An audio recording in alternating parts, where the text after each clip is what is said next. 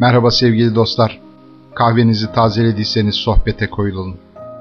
Bu hafta sizlerle yayınlandığından beri birçok kitap severin dikkatini çektiğini tahmin ettiğimiz bir kitabı paylaşalım istiyoruz. İçeriğinden önce albenili kapağı ve porselen pürüzsüzlüğündeki baskısıyla okurları raflara çeken bu kitap sadece bir başucu kitabı olmakla kalmayıp tekrar tekrar okumayı arzu edeceğiniz ve hiçbir yerde bir arada bulamayacağınız resimlerini uzun uzun inceleyebileceğiniz nitelikte. Yazar Umberto Eco imzasını taşıyan Güzelliğin Tarihi. İlk kitabı Gül'ün adıyla dünyanın dört bir yanında tanınan İtalyan yazar Umberto Eco aslında çok yönlü bir bilim adamı. Öğretim üyesi, semiyolog, tarihçi, estetikçi ve orta çağ uzmanı. Güzelliğin tarihinde yazarın bütün bu yönlerinin etkisini hissedebiliyorsunuz.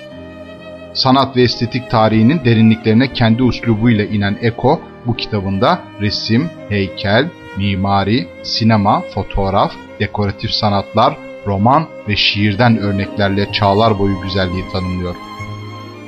Zarif, hoş ya da enfes, harika, muhteşem ve benzeri ifadelerle güzel sözcüğü de genellikle beğendiğimiz bir şeyi belirtmek için kullandığımız bir sıfattır diyor Umberto Eco güzelliği tarif ederken. Sonra şöyle devam ediyor. Bu bakımdan güzel olan aynı zamanda iyi olana da eştir. Gerçekten de çeşitli tarihi dönemlerde güzelle iyi arasında sıkı bir bağ görülür.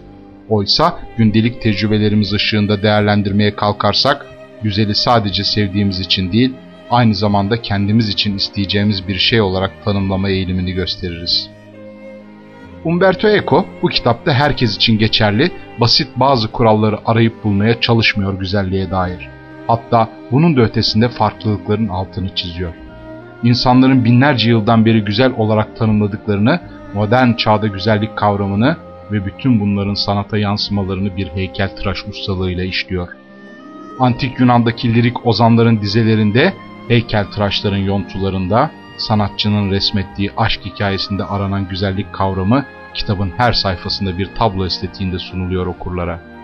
Temel bir estetik modelin görüldüğü her çağ için metinlerin yanında yer alan görüntü ve alıntılarla detaylandırılmış bu kitapta Shakespeare'den Platon'a, Rousseau'dan Hegel'e ve Aristoteles'e kadar birçok yazar ve düşünürün güzelliğe ilişkin görüşlerini de bulabiliyorsunuz.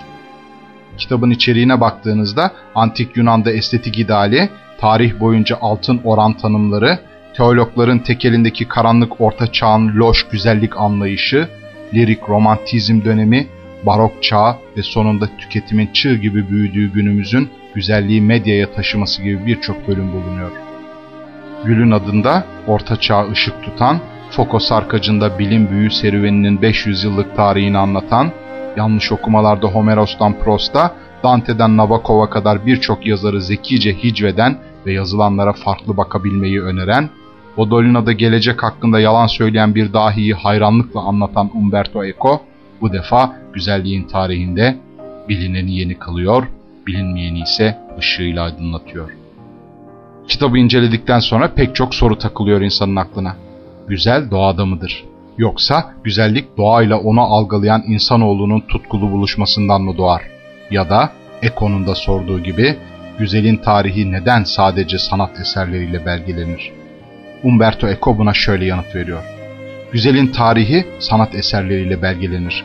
Çünkü bize güzelden söz eden, bunlardan örnekler bırakanlar, sanatçılar, ozanlar ve romancılardır. Güzelliğin tarihi bugüne kadar kabul görmüş bütün fikirleri geliştirerek güzelliğin tanımını tekrar tekrar yapıyor. Üstelik Batı kültürünün başyapıtlarının ayrıntıları eşliğinde. Bir dahaki buluşmamıza kadar kahveniz sıcak, sohbetiniz koyu olsun. Sevgiyle kalın.